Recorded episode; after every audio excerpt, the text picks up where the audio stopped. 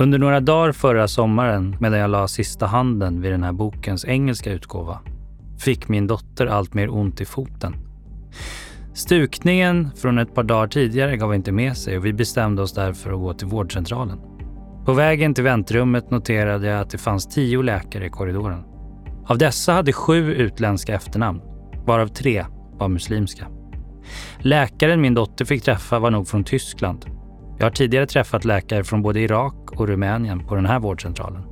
Det är ingen slump. Eftersom irakiska och rumänska läkare utgör två av de största grupperna bland utrikesfödda läkare i Sverige. En färsk studie från OECD pekar på just iraker som en av de största grupperna bland de invandrade läkarna i Sverige. Studien visar att över 30 procent av den svenska läkarkåren idag är utrikesfödd. Väldigt få andra länder i världen är så beroende av invandrade läkare som Sverige. Hos den tyska läkaren gick det geschwint och min dotter fick en remiss till akutröntgen. Från vårdcentralen tog vi en taxi till sjukhuset och även här fick vi hjälp av en utrikesfödd. Kanske var chauffören från Syrien. Hälften av alla taxichaufförer i Sverige är födda i ett annat land.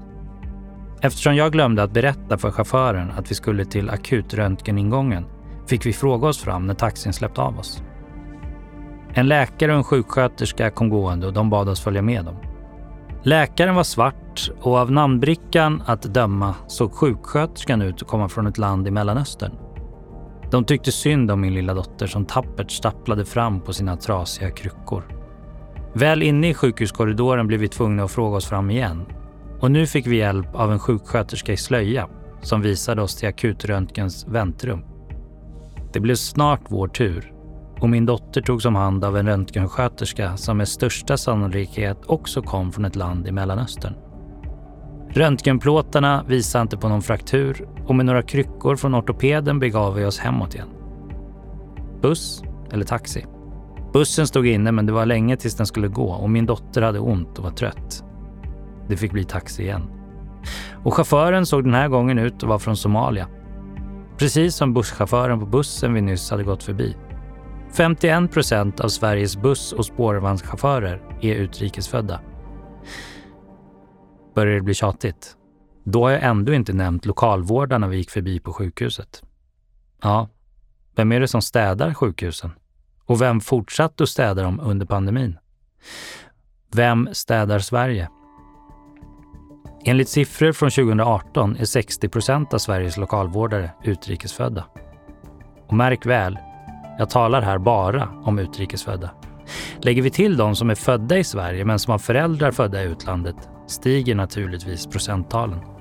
Du lyssnar på det första avsnittet av Historien om migrationsmyten av och med P.O. Hansen. Producerad av Stray Dog Studios tillsammans med Leopard förlag. State has no source of money other than the money people earn themselves. If the state wishes to spend more, it can do so only by borrowing your savings or by taxing you more. En stor utmaning för den här boken när jag börjar tänka på och planera inför den. Eller långt ifrån så handlar det bara om migration och missförståndet kring migration. Så jag förklarar inte bara varför flyktingar, invandrare, invandring, varför det inte är en kostnad och en börda för statskassan. Utan jag går mycket längre än så och det handlar om ett stort missförstånd kring pengar och hur staten gör när den spenderar och vad det innebär, vad det har för konsekvenser. Hur går det där till egentligen med, med, med pengar? Så det innebär att frågan om flyktingar till exempel då, som jag ägnar väldigt stort utrymme i boken. Frågan om varför flyktingar inte är kostnader och bördor för statskassan. Det kan vi bara förstå om vi förstår vad pengar är. Och med det så måste vi alltså förstå några av de mest fundamentala eller basala makroekonomiska förhållandena. Och här måste vi alltså förstå hur staten gör när den spenderar, hur den gör när den skattar, hur den gör när den lånar pengar. Och det innebär att vi måste förstå finans och penningpolitik och relationer, varför de två sitter ihop. Men sist men inte minst så måste vi också gå ur det här fokuset på det finansiella och prata om det reella, det verkliga. Och där förstå varför det är helt centralt att förstå skillnaden på finansiella resurser och reella resurser. Finansiella resurser, det förstår vi. Det handlar om pengar ytterst. Reella resurser, det har vi mindre förståelse för, men vi vet vad det är när vi säger vad reella resurser är. Så vad är reella resurser? Ja, en av de viktigaste är ju människor, arbetskraft. Men här kommer ju också in sådana saker som kunskap, naturtillgångar, en rad olika andra saker som har med den reella ekonomin att göra. Så att skilja på finansiella resurser och reella resurser, det blir därför helt avgörande.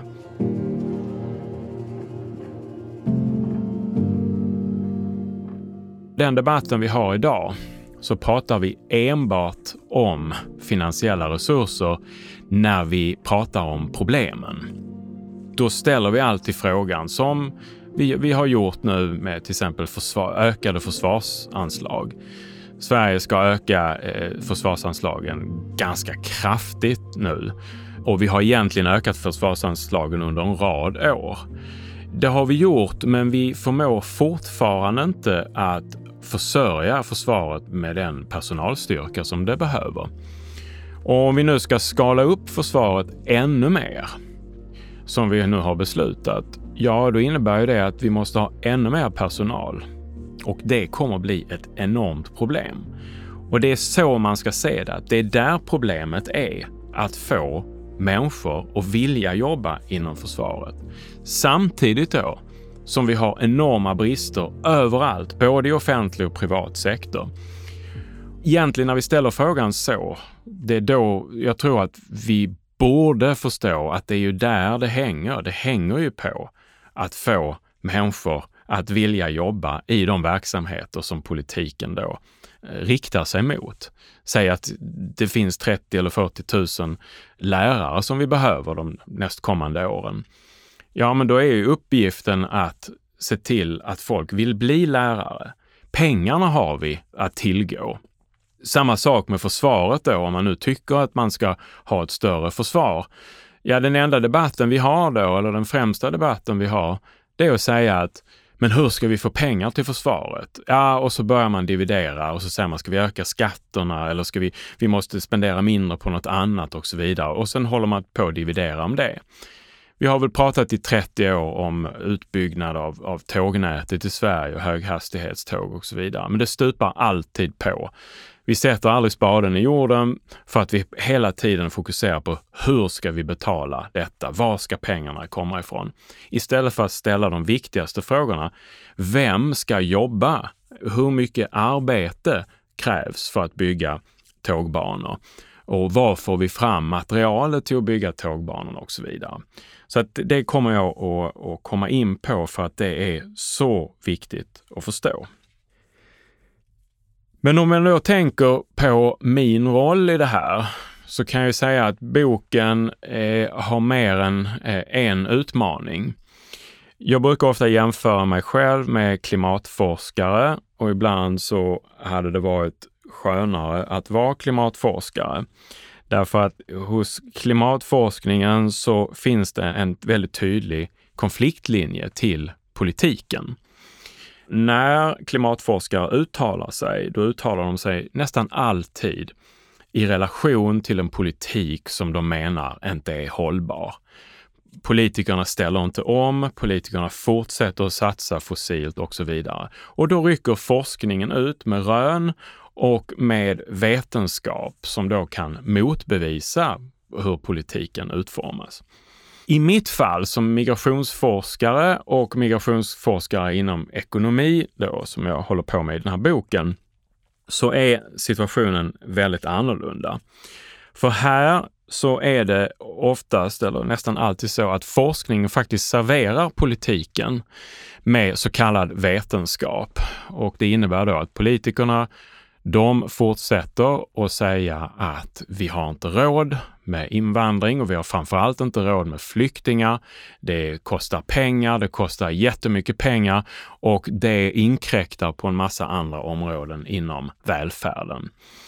Ett väldigt bra exempel på detta såg vi i valkampanjen 2022 när Sverigedemokraterna publicerade en rapport där man hävdade att invandringen kostar 130 miljarder kronor. Och det sa man att den hade gjort under en rad år.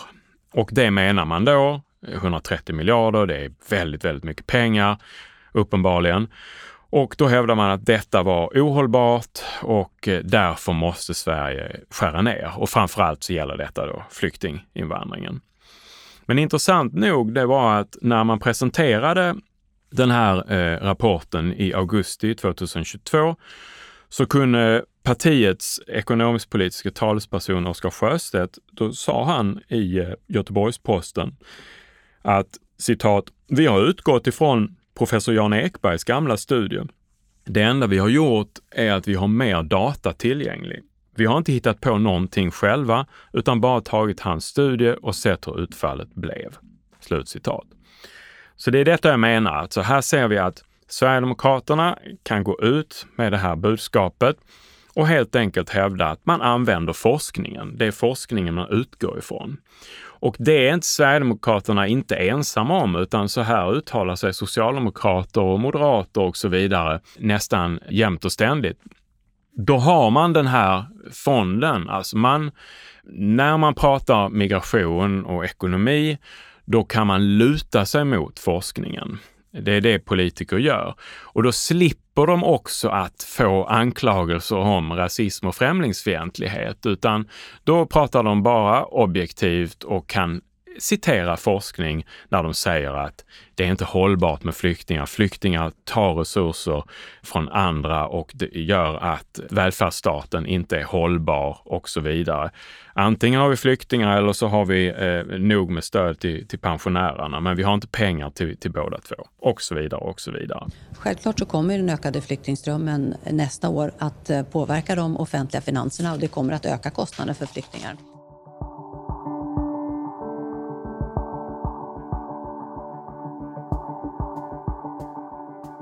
Och den här kan man säga är en grundläggande modell här då, som man utgår ifrån. Den ser på staten och statens sätt att spendera på ungefär samma sätt som man ser på hushållet. Så att staten kan man säga det är ett enormt stort hushåll i den här modellen. Den analogin finns då i det som vi kallar eh, neoklassisk eller ortodox nationalekonomi. Där utgår man helt enkelt från detta och då ser man, då gör man ofta så att man pratar om att det finns ett genomsnittligt eh, skattebidrag från oss medborgare och man kan ligga över eller under det här genomsnittet. Ligger man under det så är man en finansiell börda på samhället och ligger man över så är man en finansiell tillgång. Det där är kan uttryckas mer eller mindre dramatiskt. Vi vet att i den här modellen så är naturligtvis barn den största finansiella bördan. Men då kan ekonomer säga att det är en börda vi klarar av därför att de här barnen kommer att växa upp och så kommer de bli skattebetalare och så kommer de att bli finansiella tillgångar. Så det där kan jämna ut sig. Det gäller ju så med gamla människor också, men gamla människor har ju ett helt förvärvsliv bakom sig kan man säga, där de har betalat eh, in skatter och så vidare. Men sen kommer man till det här med de som är låginkomsttagare och lågbetalda arbeten. Att där ligger man ju faktiskt då under den genomsnittliga skattebidraget och därför är man då finansiella bördor, kanske hela livet. Är man arbetslös, och det är där vi har hela den här diskussionen om bidragstagare, de ligger samhället till last därför de bidrar inte finansiellt till skatteinbetalningarna. Och i och med att de inte gör det så är de alltså finansiella bördor. Det är precis den här modellen då man använder och applicerar på till exempel flyktingmottagning. Därför flyktingmottagning är ju väldigt speciell i den meningen att när flyktingar kommer så jobbar de ju inte. Så att det finns ingen möjlighet för flyktingar under kanske flera år att, eh, att eh, komma upp och, och förvärvsarbeta och betala skatt. Så då får man en väldigt enkel bild här att de flesta flyktingar eh, åtminstone initialt då finansiella bördor. Sen kan de med utbildnings och andra kvalifikationer då komma upp och bli eh, finansiella tillgångar och betala in mer skatt, alltså tjäna mer än genomsnittet. Men, säger man, väldigt många flyktingar hamnar i låglönesektorn och kommer därför aldrig att kunna kompensera för den här initiala kostnaden och så vidare. Dessutom har många flyktingar barn med sig och då säger man att då kostar barnen en massa pengar för barnomsorg och skolgång och så vidare. Då har vi en, eh, en sån bild framför oss. Så det här kan man säga är utgångspunkten för det här ekonomiska tänkandet. Alltså man tänker att samhället idealiskt sett bör ha fler eh, finansiella tillgångar än vad man har eh, bördor då. Vi kan se det här då, det här appliceras på hur debatten sker kring, kring flyktingar då, som jag redan har varit inne på. Och då applicerar man det på att man pratar om att man ser att utgifter för flyktingar, det är kostnader som då omsätts i ett underskott i statens finanser. Så man säger alltid att det här kan spä på underskottet, det kan öka statsskulden och därför så ser man någon slags bortre gräns för hur mycket flyktingar man kan ta emot för att det här ska vara finansiellt eh, hållbart inte minst under den så kallade flyktingkrisen från 2015 och framåt, så var ju det här ett, ett väldigt, väldigt, eh, vad säger tongivande tema i debatten, både den svenska och den internationella. Man, man hela tiden gick ut med varningar i tidningsrubriker om om det här var hållbart att ta emot så här mycket flyktingar och då pratar man om det var finansiellt hållbart. Eh, skulle välfärdsstaten klara av att finansiera alla de här nya flyktingarna som kom? Men att jämföra flyktingkrisen 2015 med flyktingsituationen efter andra världskriget är ju lite tokigt. Här utvecklar POD under ett samtal med Johan Ehrenberg.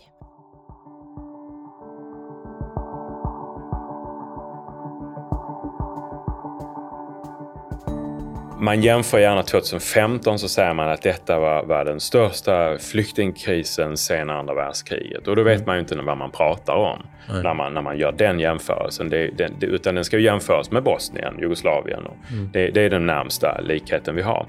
Därför efter andra världskriget så hade vi alltså eh, en katastrof som inte, som inte går riktigt att överblicka. Om vi bara tar Tyskland, eh, vad pratar man, 17 miljoner eh, flyktingar som kom till ett utbombat land, mm. eh, både öst och väst. Eh, Med stora reella ekonomiska problem. en, en produktionsapparat som var, som var borta liksom. Mm.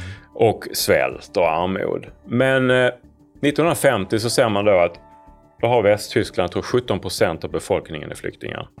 Mm. I Östtyskland 20 procent. Gick det dåligt?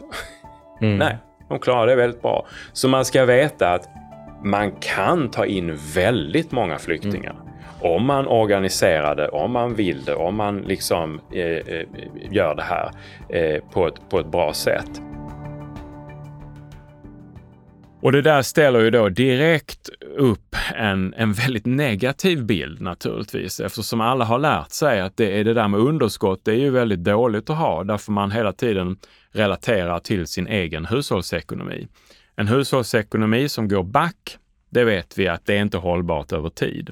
Man kan låna och låna och låna, men det finns en bortre gräns. Sen så funkar det inte längre och då blir det väldigt stora problem. Samma sak gäller ju för företag. Och har man då den analoga förståelsen, där man ser en, en analogi mellan hushåll och stat, ja då förstår man ju att underskott är inte hållbara. Det håller inte över tid och statsskuld är ju något väldigt dåligt. För det vet vi att det är ju dåligt för hushållen.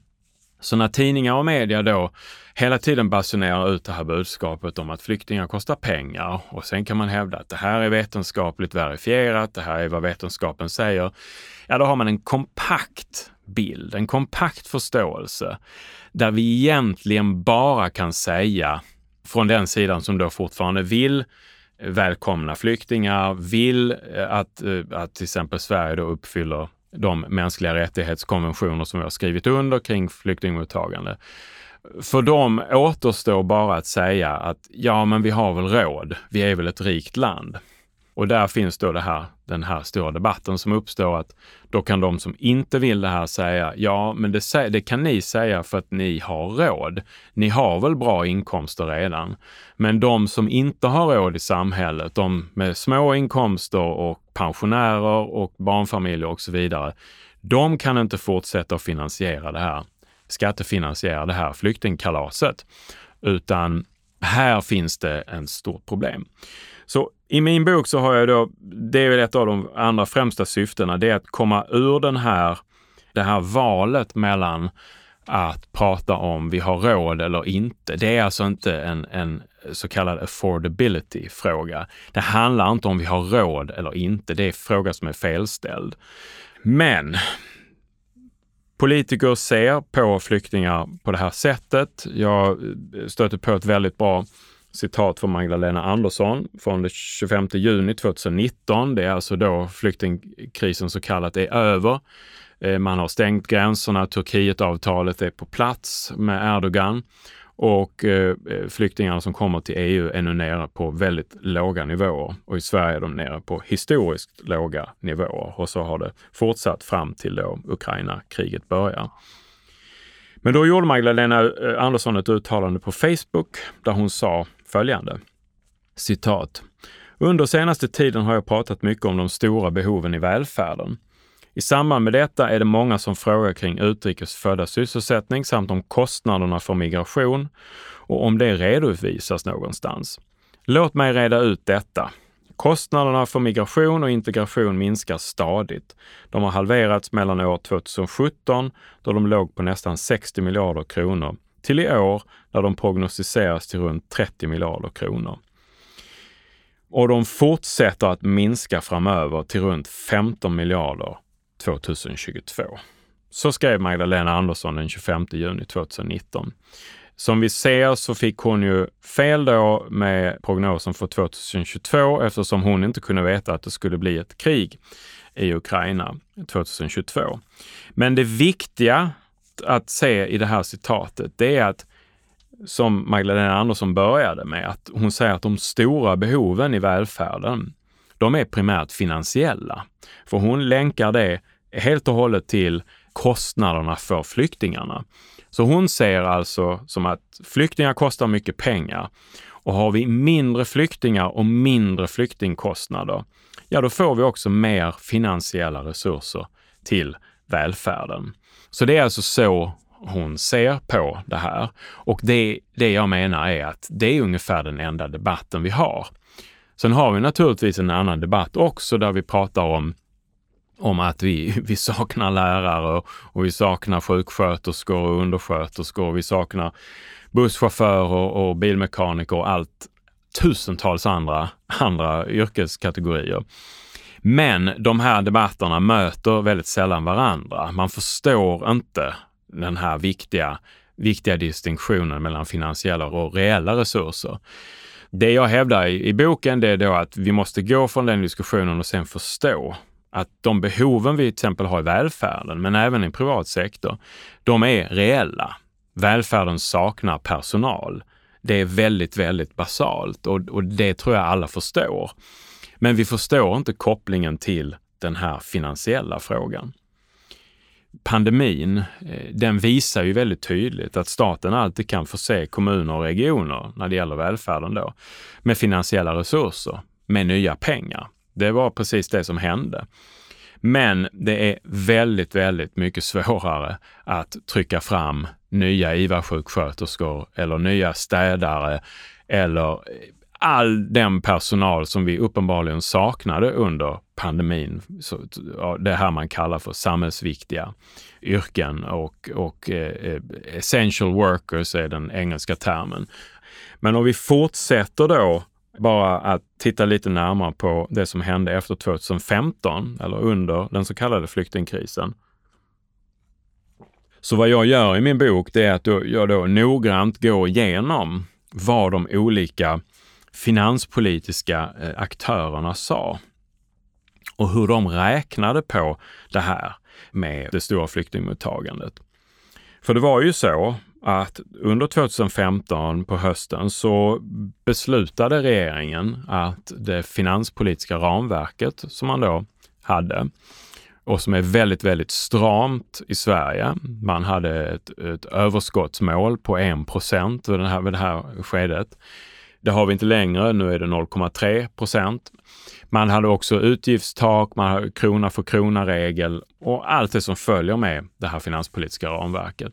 Där det också ingår då att kommuner måste ha en budget i balans, alltid. Det är lagstiftat, så, så ser lagstiftningen ut. Men man lyfte alltså när man satte ramverket på paus och det gjorde man för att regeringen då skulle kunna spendera och förse framförallt då kommuner med tillräckligt mycket finansiella resurser för att klara av att ta emot väldigt, väldigt många människor under en kort period.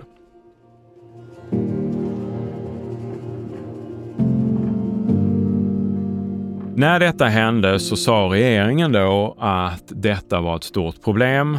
Detta var ett nödvändigt ont, uttryckte man sig. Och oppositionen var, var de, de, flesta där var eniga med regeringen om att det här inte var bra. Media naturligtvis också, som hela tiden pratade om de här nya kostnaderna och att det skulle bli väldigt, väldigt eh, jobbigt för ekonomin i Sverige. Men sen går jag också igenom väldigt noggrant då vad de här eh, institutionerna som har och myndigheterna som har till uppgift att granska regeringens finanspolitik. Man ska alltså granska om regeringen verkligen uppfyller det finanspolitiska ramverket eller ej. Och här har vi då myndigheter som Konjunkturinstitutet, Ekonomi, eh, Ekonomistyrningsverket och vi har också Finanspolitiska rådet som då är så kallat liksom, regeringens, Finansdepartementets vakthund som hela tiden ska ge råd och eh, omdömen kring hur finanspolitiken förs och om det finanspolitiska eh, ramverket upprätthålls. Samtliga av dessa intressenter var djupt oroade för vad som skulle hända med svensk ekonomi och framförallt statsfinanserna när man släppte ramverket och började spendera väldigt mycket pengar. Man hävdade unisont att detta skulle leda till stora underskott under många år. Jag tror man sa tre eller fyra år med start 2015 och det skulle öka skuldsättningen hos staten och det skulle få en, en rad andra negativa konsekvenser. Konjunkturinstitutet varnade till och med för att det här skulle kunna leda till en överhettning av ekonomin och att det skulle eh, kunna ge en, en stor inflation och så vidare. Från regeringens håll så gjorde man, man uttalade sig väldigt, väldigt skarpt i media kring sin egen politik då och sa att detta, som jag var inne på, att det, här var ett, ett, ett, nödvändigt ont det man gjorde. Så att Magdalena Andersson, finansministern då, hon sa till Dagens Industri i oktober 2015 att vi kommer både låna och spara för att klara av det här då med man pausade ramverket och började spendera väldigt mycket. Och så sa hon citat, det handlar om att kapa kostnader för migration och titta på kostnader på, för andra områden. Men det kommer också handla om att låna mer pengar. Slutcitat. Och så sa hon också, det här är inte en hållbar utveckling. Och det här med att säga de här sakerna, att framförallt då att oj, Sverige måste låna mer pengar. Det låter som att som att en familj som måste ta på sig en massa nya lån för att klara av en situation. Analogin är här återigen då att Sverige är som ett hushåll. Man skulle nästan kunna likna det med som man tar en familj. Låt oss säga man tar en familj som har två barn och som tar emot tre fosterbarn. Men man får inte ekonomisk ersättning för de här tre barnen man tar emot. Och då hamnar alltså familjen i ett läge där man har en kaka för fyra familjemedlemmar men den här kakan måste nu, den finns kvar, den är konstant, men man har nu sju familjemedlemmar att, som ska äta av den här kakan. Och då förstår alla att då blir det mindre till alla. Magdalena Andersson gick så långt så att hon sa att barnfattigdom, det var ett skäl för att ha en stramare flyktingpolitik. Det sa hon i, i maj 2018. Så här står vi med den här bilden då och som, som man kan säga är, är liksom den grundläggande för hur vi tänker kring flyktingpolitik, hur vi tänker kring det här med kostnader för, för flyktingar. Och den felaktiga bilden utgår alltså från att Sverige är som ett stort hushåll. Vi kan leka med tanken att Sverige har en budget, att staten spenderar 100 kronor, bara för att göra det väldigt, väldigt enkelt. Staten i Sverige spenderar, har en statsbudget där man spenderar 100 kronor och man skattar 100 kronor. Då har man alltså budgetbalans. Som jag sa innan så är det finanspolitiska ramverket, det har ett överskottsmål. Men för enkelhetens skull så pratar vi här om ett balansmål. Spenderar 100, man skattar 100. Sen kommer det flyktingar. Och då skulle vi kunna säga att de här flyktingarna då kostar 10 kronor. Och det innebär det att staten har spenderat 110 men bara skattat 100. Då finns det alltså ett underskott. Och då, om man läste de här olika rapporterna som de eh, finanspolitiska myndigheterna skrev under den här tiden så hade de ju olika recept på hur man skulle lösa det här underskottet, alltså kompensera för det. Och där finns det olika sätt. Mm, besparingar, alltså åtstramning var det vanligaste receptet. Eh, sen skulle man kunna tänka sig hypotetiskt att man höjer skatter och det behövs lånas pengar. Det är så här man ser på det och det var precis det Magdalena Andersson sa. Vi behöver låna och vi behöver hitta sätt att spara in pengar på andra ställen. Vilket då direkt skickar budskapet om att jaha, då blir det kanske mindre pengar för pensionärerna eller barnfamiljerna för att vi ska ha, ta emot fler flyktingar. Man omfördelar alltså, så är bilden, den felaktiga bilden. Man omfördelar pengar från medborgare till nyanlända flyktingar med x antal eh, kronor då. Så det här är den, den, den, den felaktiga bilden. Det, det, är den bilden som vi har. Och egentligen är det den bilden som vi har för all politik. All politik som innebär finanspolitiska åtgärder. Det spelar ingen roll om vi pratar om klimatomställning eller om vi pratar om eh, välfärden i största allmänhet. Hur mycket pengar ska kommunerna få? Varje gång vi har en sån debatt kring budgeten så står vi och pratar i de här termerna och då är det alltid vem ska få och vem ska inte få? Och om det här budgetområdet får så här mycket, ja då kanske det innebär att man måste dra in pengar någon annanstans. Men vad som gör det här med flyktingar extra, kan man säga, allvarligt när man pratar just i de här termerna om om man har råd eller inte, det är ju just att det handlar om människor som behöver akut hjälp med att eh, få en fristad. När man ställer de här människorna som är i det här, i det här akuta läget mot medborgare redan i landet, då underblåser man en potentiell konflikt och en väldigt negativ attityd eh, gentemot eh, de som då, nykomlingarna som kommer till samhället. Så det är det som gör det här så väldigt konfliktfullt och därför får också den här, det här ortodoxa paradigmet kring hur man ser på finanspolitik, det blir ett instrument som, som då spär på konflikter och som underblåser rasism och, och, och främlingsfientlighet. Men gör det med så kallat vetenskapliga och objektiva argument. Det här är alltså det ortodoxa paradigmet. Och det andra paradigmet som jag då utgår ifrån, det alternativa paradigmet, kallas då för modern penningteori eller Modern Monetary Theory, MMT. Och det här med modern penningteori, eller Modern Monetary Theory, MMT, det kommer jag att prata mer om i nästa avsnitt. Du har lyssnat på första avsnittet av Historien om migrationsmyten av och med P.O. Hansen. Producerad av Stray Dog Studios tillsammans med Leopard förlag. Ljudklippen kommer från Margaret Thatcher från det konservativa partiets konferens 1983 Magdalena Andersson från Expressen TV 18 december 2015. Johan Ehrenberg och P.O. Hansen i ett filmat samtal publicerat på ETC. Vill du veta mer? Läs gärna boken Migrationsmyten av P.O. Hansen. The state has no source of money other than the money people earn themselves. If the state wishes to spend more, it can do so only by borrowing your savings or by taxing you more. And it's no good thinking that someone else will pay. That someone else is you. There is no such thing as public money. There is only taxpayers' money.